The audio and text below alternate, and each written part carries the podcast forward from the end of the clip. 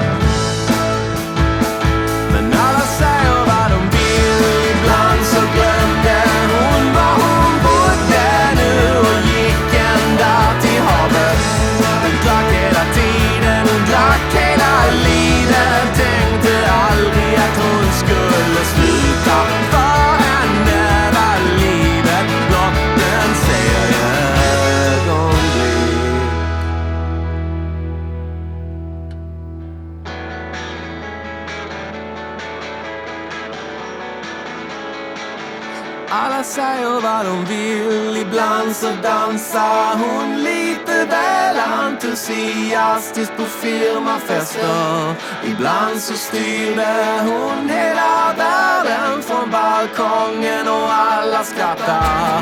Ibland så väcktes hon ur ett rus och stod och njöt av neonljusen och ibland så ropar hon nu sitt namn för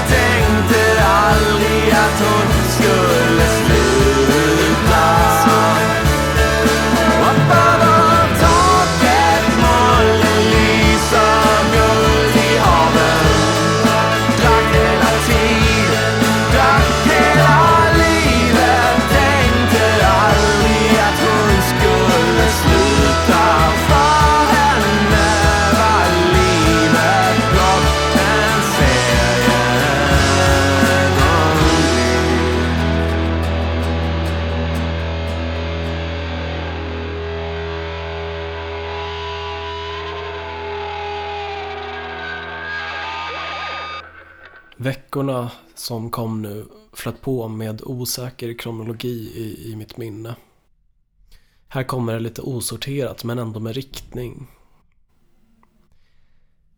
Alexandra började bli frustrerad över grejer med Joel. Dels från eh, gårkvällen när han plötsligt blev trött och ville dra hem. Han hade tydligen blivit sur av eh, oklar anledning. Alexandra var ju verkligen en fanbärare. Hon stod i fronten för öppen kommunikation. Joel hade betett sig passivt aggressivt och hon undrade på om han inte var svartsjuk gentemot mig. Hon tyckte verkligen inte att det fanns något fog för det. Men hon själv var visserligen lite svartsjuk mot Joels bästa vän Denise, som han ofta umgicks med och var hemma hos. De verkade ha en liknande relation till den jag och Alexandra hade. En gång när vi hade druckit på varsitt håll och pratade i telefon bekände hon att hon började bli lite osäker på förhållandet. Tänk, hon hade gått från bara för några veckor sedan att ha skrivit att hon verkligen älskade honom och att de var superlyckliga tillsammans. Gått från det till nu det här. Var det något som hade utvecklats nyligen? Eller var det bara så att hon kunde vara mer ärlig med mig nu? Jag förhöll mig neutral som sig bör. Inte så att jag inte tog sida, om något tog jag i hennes parti. Men jag kände att det vore omoraliskt att spela med öppna kort och avslöja min egen agenda, som var så självklar att den knappt behöver formuleras i ord. Jag tyckte att de passade skitdåligt med varandra. Alexandra var fantastisk, snygg, rolig, varm och inbjudande. Joel var en jävla tråkmåns bara. Jag ville att hon skulle dumpa honom och bli tillsammans med någon som faktiskt tyckte om henne. Någon som hon hade kemi med. Som, had, som hon hade kul med på riktigt.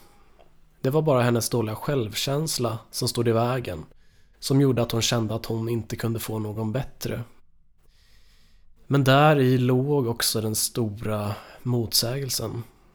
Om jag lyckades få henne att tro på sig själv och förstå sitt värde skulle hon kanske dumpa Joel. Men hon skulle inte fly in i mina armar just på grund av att hon skulle inse att hon kunde få någon bättre. Fast det förhindrade inte mig från att försöka. Det är väl dumt av mig att tro att jag skulle få någon belöning för att få någon att tycka om sig själv. Inte för att man ska tänka så liksom, oh, jag gör ingenting om jag inte får någon belöning för Men det frustrerar mig när, när folk utan fog tycker illa om sig själva. Jag har goda skäl att tycka att jag är ful och allmänt oattraktiv, tråkig, töntig, toxisk. De tre T'na. Alexander hade det inte. En kväll var jag och åt sushi. Norsi var fortfarande spårlöst försvunnet men jag hittade ett ställe vid Fridhemsplan som skulle vara billigt. Som vanligt tog det en stund för mig att hitta dit. Jag gick förbi ett ställe med en, inte en välbekant skylt, men ett välbekant namn. Blue Vision. Det började röra sig någon, någonstans bak i skallen på mig. Eh, ett minne från strax innan jul förra året. Jenny och jag. Planer om hur vi skulle maximera möjligheterna för sex i mellandagarna. Efter måltiden gick jag förbi där igen och tog en bild utanför porrklubben. Alexandra hade skickat en skärmdump på en sak som Filippa hade skrivit till henne. Filippa hade varit på en fest och eh, hade börjat hångla med en person. Sen hade personen dessvärre dragit sig hem med en annan. Filippa kände sig ensam. Alexandra hade skrivit att, att hon erbjöd sig att vara sovsällskap. Hon oroade sig för att det kanske var något av ett övertramp. Men hon berättigade det för sig själv med att de inte var attraherade av varandra på det sättet. Jag tyckte mest att det lät sjukt att någon bara började hångla upp henne sådär. Surrealistiskt nästan. Sånt som händer i film och på TV. Jag gjorde en jäkligt konstig grej en gång när jag var hemma själv en kväll och tog lustgas. Jag började livestreama i Parklive. Har inte kollat på det klippet i efterhand, det är bara pinsamt. Jag minns att jag tuppade av i några sekunder och hade en, en kortare hallucination varefter jag började svamla osammanhängande. Sågs av någon enskild person som lämnade en frågande kommentar om vad som pågick. En solig middag när jag var hemma satt jag och tänkte på Jenny samtidigt som jag spelade gitarr. Jag fick en idé till både en melodi och ackordföljd samt text, vilket inte var särskilt vanligt under denna period. Då, en period då det enda jag egentligen spelade och skrev var tonsättningar till dikter av Ricky Bruch. Men jag hade skrivit en hel del låtar under hösten som enligt planen skulle bli en EP som handlade om Jenny. Och den här kanske kunde platsa där. As I sit relaxing I can't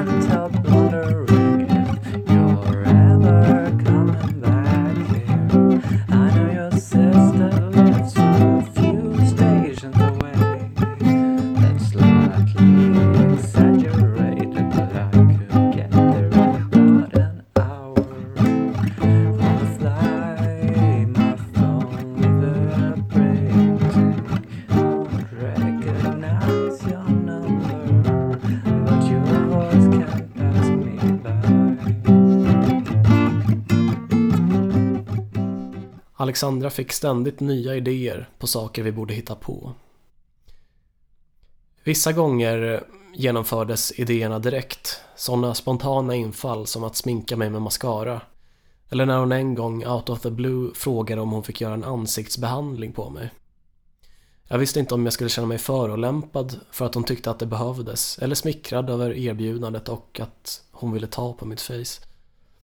Men jag svarade såklart ja och genast stack hon ut i köket och började blanda ihop något.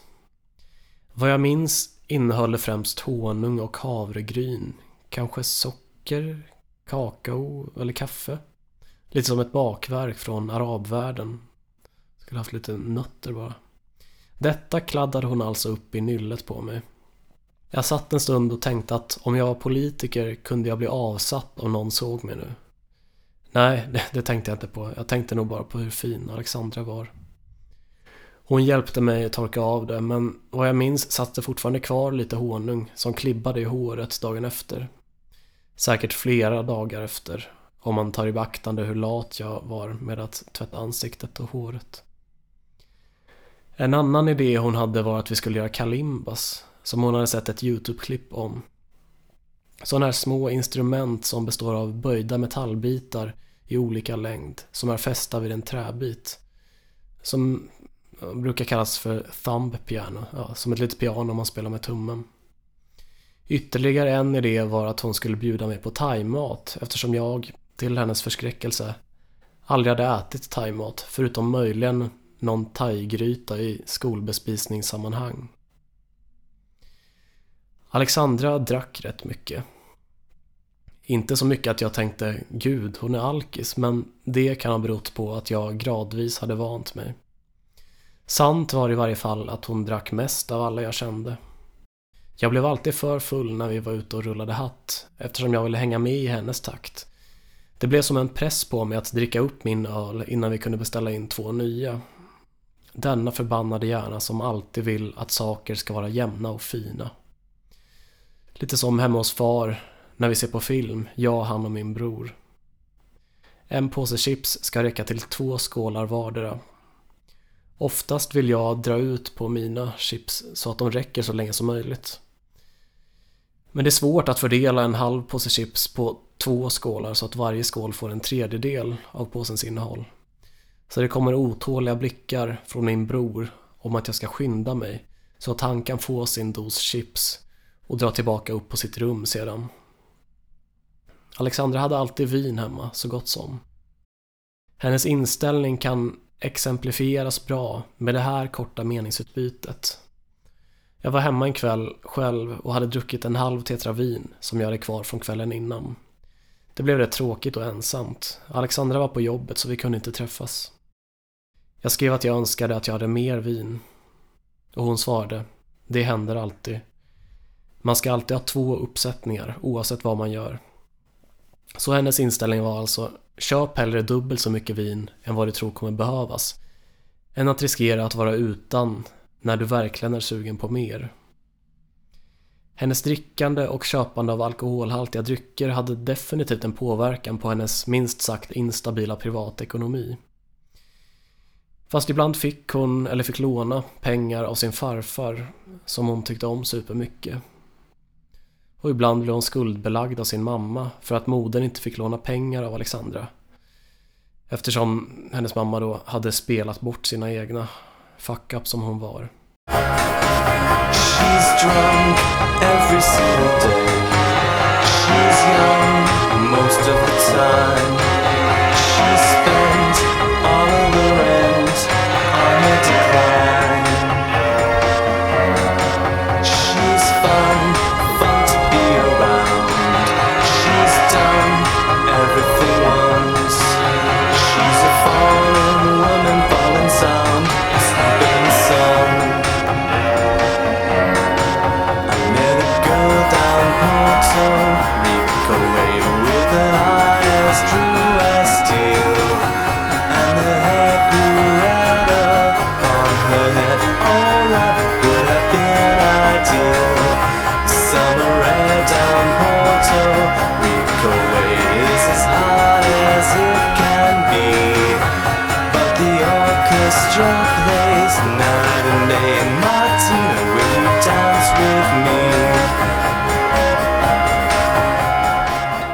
Kristina hade blivit en ganska regelbunden del av min umgängeskrets. Oftast med Robert. Han berättade att de hade lärt känna varandra via att de matchade på Tinder och hade legat några gånger. Men en gång styrde vi upp att ses, bara vi två. Hon var rätt sen, så jag satt på karmen en god timme innan hon kom. Men det var inte mig emot. Då kunde jag klämma in lite skrivtid. Det var inte ofta jag fick något gjort med berättelsen vid den här tiden. Hon kom inrusande med sin karu och ett glas och efter anvisningar från mig, som ursprungligen kom från Jenny, lyckades hon för första gången hälla upp de fullständiga 50 centilitrarna i glaset i ett svep utan att det svämmade över av skum. Detta minns jag eftersom jag antecknade det i kollegieblocket jag skrev i. Jag hade ofta med mig blocket och en penna, även om jag inte skulle skriva. Vanligast var att jag tecknade av Alexandra, men jag gjorde även en teckning av Koski och eh, en bild av Joel en gång. För att få det att verka mindre suspekt hur ensidigt fokuserad min uppmärksamhet var på hans tjej. Jag gjorde säkert ett av Kristina också. Jag vet inte, även om det känns lite Titta på mig, jag vill ha uppmärksamhet och visst är jag så himla speciell. Kan det faktiskt vara en stämningshöjare och ett välbehövt avbrott från det eviga sitta och snacka eller spela kort. Särskilt om det var väntia man spelade. Det är fan det sämsta kortspelet av den enkla anledningen att alla har olika regler. Och vad jag menar med det är kanske att alla har samma regler förutom jag som är uppvuxen med andra. Kristina fick prova min reservoarpenna en stund. Hon gillade pennor. Hon gillade även typografi. Hon var grafisk designer på frilansbasis och visade mig några uppdrag hon hade fått och slutfört. Det var intressant att höra på och grejerna var snygga. Men så var hon ju ett proffs, bokstavligt talat. Även om det hade gått ett bra tag sedan hennes senaste uppdrag, så kassan började sina. Hon tyckte överlag rätt mycket om att prata om sig själv. Hon var en väldigt intensiv person som gillade att ta mycket plats och gärna berättar om vad hon störde sig på för tillfället eller om hennes senaste misslyckade Tinder-dejt. Hon var inte riktigt lika bra på att lyssna men det stod jag ut med eftersom jag fortfarande hade erbjudandet om en trekant färskt i minnet. Inte för att jag var råtänd på henne i och med hennes extrema sätt att sminka sig på. Men om det fanns en chans så var ett ligg ändå ett ligg. Du säger inget mer Vad vill du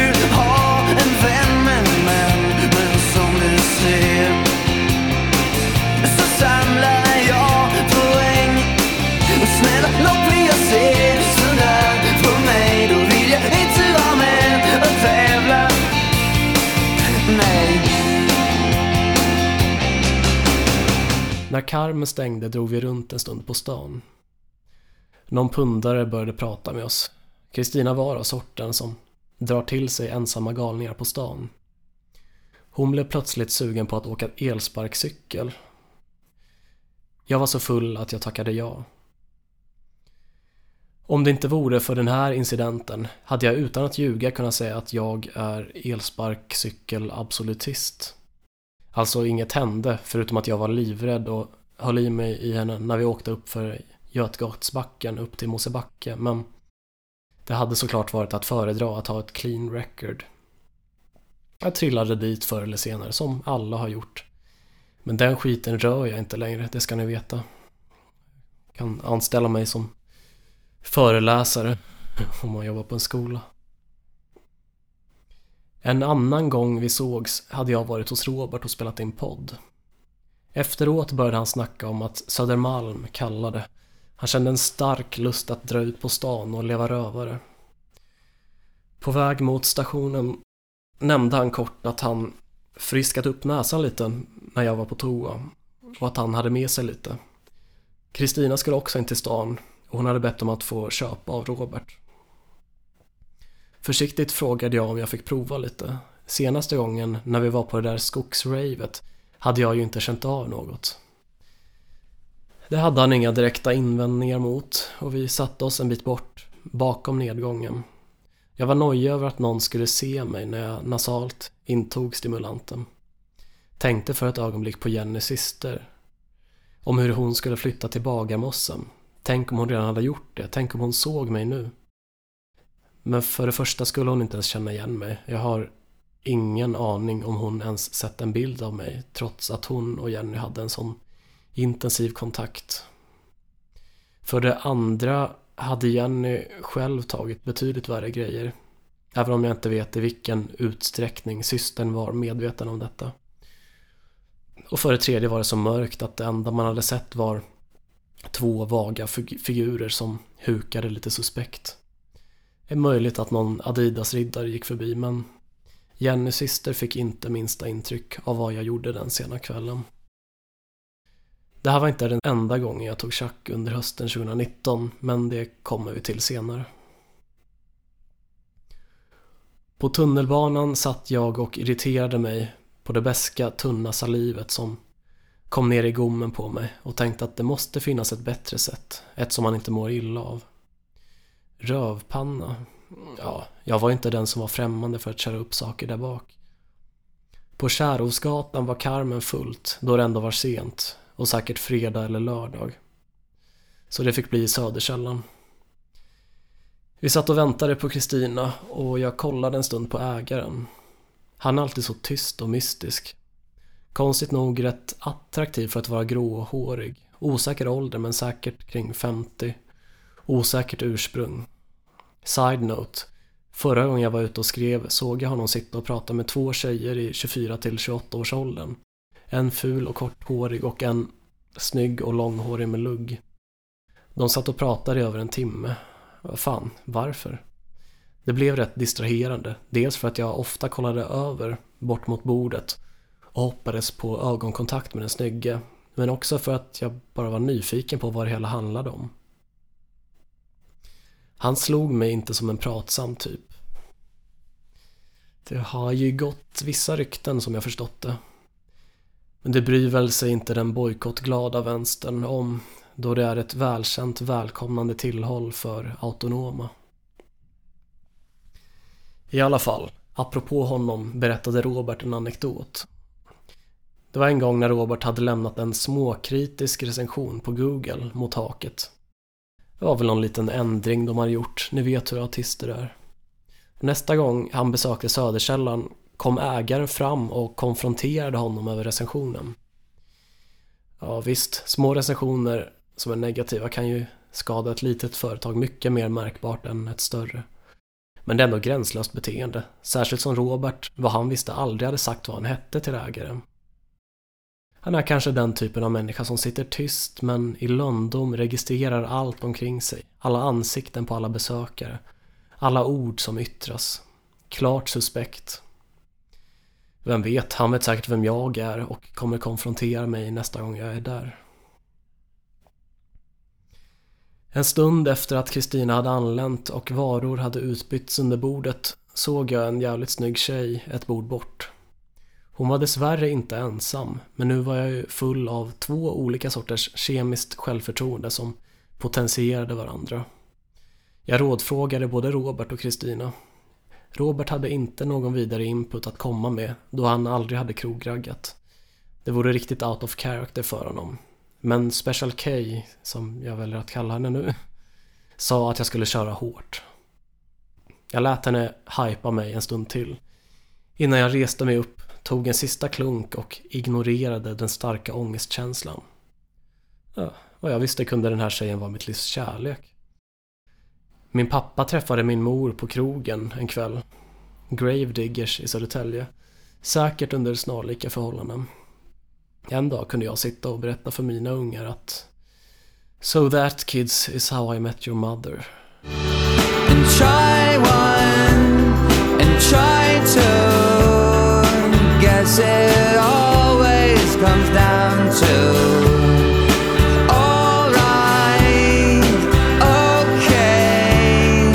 Guess it's better to turn this way Min plan var enkel och självklar. Jag skulle gå fram till henne att säga Ursäkta, jag tror bestämt att jag känner igen dig någonstans ifrån. Eh, och så skulle jag sätta mig ner utan att eh, be om lov för att visa min självsäkerhet och för att eh, visa på min, mina intressen och min personlighet, rada upp några saker där jag kunde jag skulle säga något så här, har du möjligen varit mycket på stand-up eller, eller kanske på någon Galago-release? Jag lögn alltihop såklart, men jag behövde ju en ursäkt för att prata med henne. Så här gick det. Jag gick fram och snubblade lite på orden i min nervositet, men fick väl fram det mest väsentliga av det jag hade tänkt säga och satte mig ner som planerat.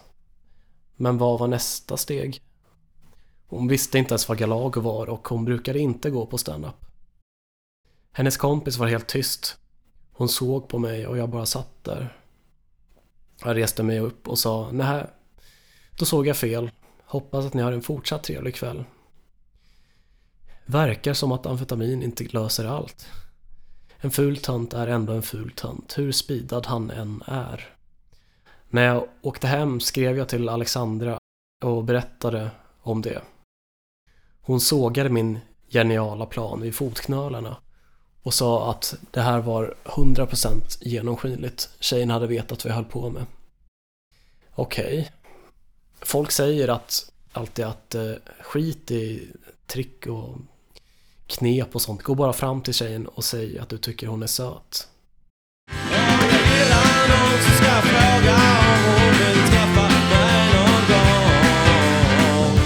Men nu är det dags igen ja, Nu är det dags igen Och nu är det dags igen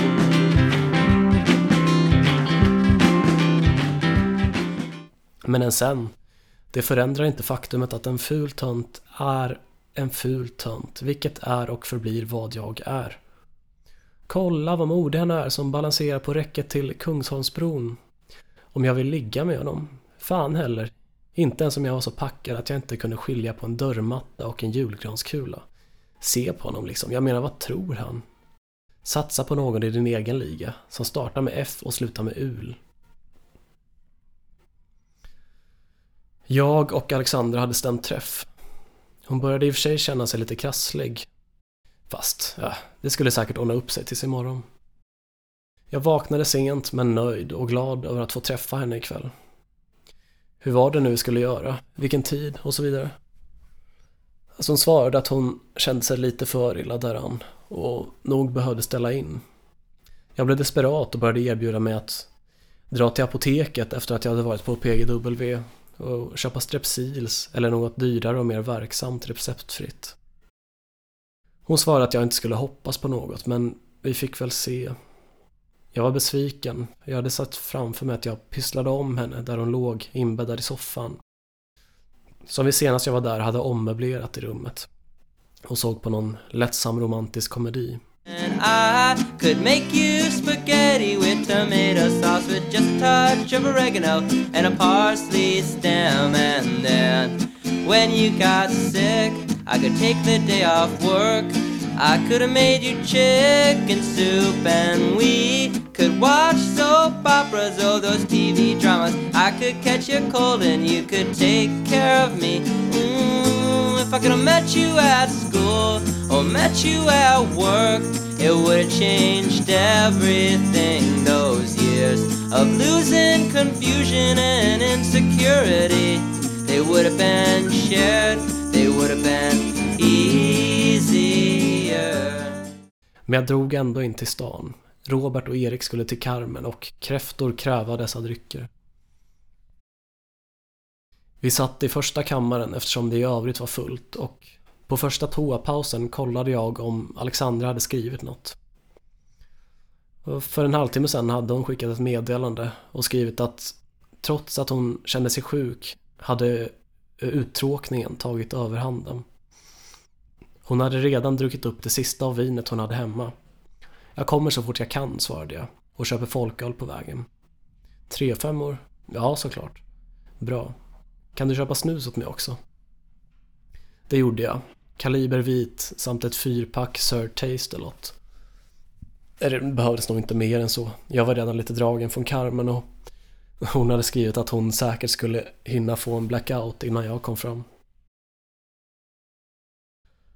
Eh, omfamnade henne hårt och eh, gav inte minsta tanke åt om jag skulle bli smittad. För när jag tänker på det så varför inte? Vi delade redan så mycket vi två så vi kunde väl lika gärna dela eventuella förkylningsvirus. Efter varsin folköl och det vanliga lustgasbruket satte jag på en låt och bad Alexandra läsa texten med mig samtidigt. Låten var rent musikaliskt inte något vidare speciell men texten var fantastisk. Anti-folk-legenden Jeffrey Lewis vars låt The East River från samma skiva som jag hade gjort en, en cover av på Larry's Corner. Den här låten hette The Chelsea Hotel Oral Sex Song och var en anspelning på Cohen-låten. Alexandra lydde mig glatt och vi satt lutade mot varandra och läste från min mobil. And on top of that, though you may not believe it, listen to what she said to me next as I repeated that line about getting the blowjob that Leonard sings. She said it made her want to do naughty things. And right about then, I should have asked if she knew what the Chelsea charged if we got a room for two. But I didn't, and I know I'm a schmuck, don't you doubt it. The only thing I did was write this stupid song about it. If I was Leonard Cohen or some other songwriting master, I'd know to first get the oral sex and then write the song after. Hon pekade ut den upplysta skylten på ett litet bord bredvid hennes högra hylla. Skylten med åtta ord och 36 tecken. Skylten jag plötsligt förstod nu eftersom jag hade börjat lyssna så mycket på Björns vänner. Hon drack hela tiden, hon drack hela livet. Det var så sent när jag kom dit att det var givet på förhand att jag skulle tillbringa natten där. Vad som inte alls var lika lätt att förutspå var att när vi skulle gå och lägga oss och jag förberedde mig för att sova på soffan sa Alexandra att om du har lust och ifall det blir kallt så kan du sova i min säng istället. Jag trodde först inte att det var sant men jag tog hennes givmilda erbjudande och gjorde som hon sa med det. Jag fick sova längst in, mot väggen och elementet.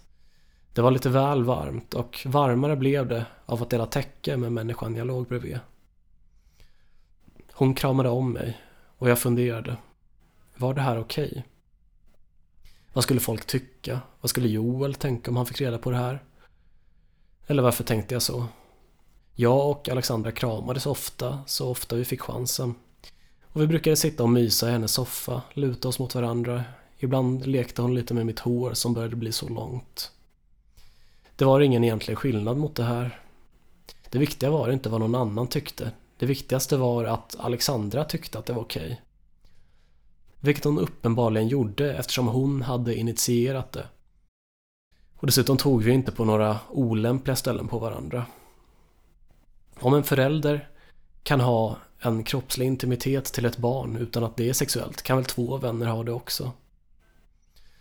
Jag kramades tillbaka och så småningom somnade vi. På morgonen såg vi på It's Always Sunny in Philadelphia och jag var hela tiden nojig över att Filippa skulle komma in. Speciellt under avsnittet med transpersonen, där i första säsongen. Men vi klarade oss från hennes dömande blickar och tillrättavisande ord. Jag fick låna lite snus eftersom jag hade slut och såg Alexandra i ögonen en stund. Och tänkte att om det är så här det är att vara människa är det kanske inte så dumt trots allt.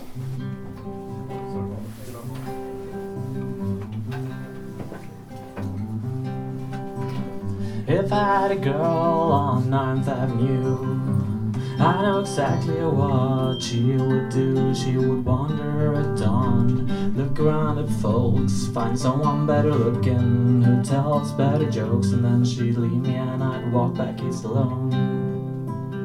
97th Avenue, now I'm crossing Madison, solving on Park Avenue, feeling bad on Lexington. 32 First Avenue, going east with the wind, across the FDR to the East River, fall right in.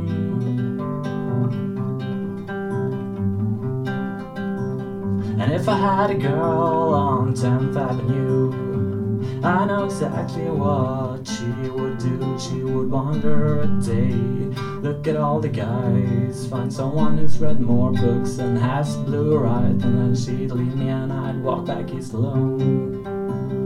97th Avenue, now I'm crossing Madison, sobbing on Park Avenue, feeling bad on Lexington, 32 First Avenue, going east with the wind, cross the FDR to the East River, fall right in.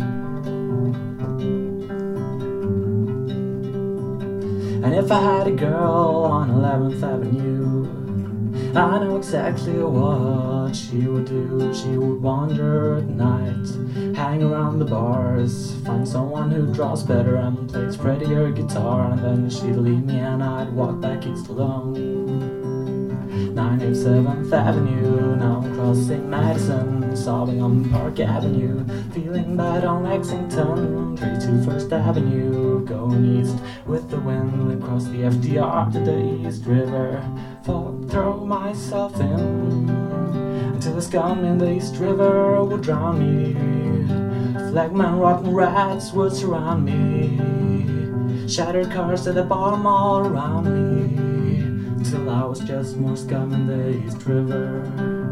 When I become scum, it is my job to drown the pathetic hopes and failures of the next unloved clown. Then maybe it'd be a girl and we could become scum together.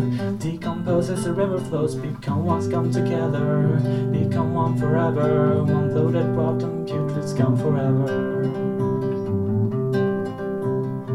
97th Avenue, now I'm crossing Madison, sobbing on Park Avenue, feeling bad on Lexington, 32 First Avenue, going east with the wind, cross the FDR to the East River, fall right in.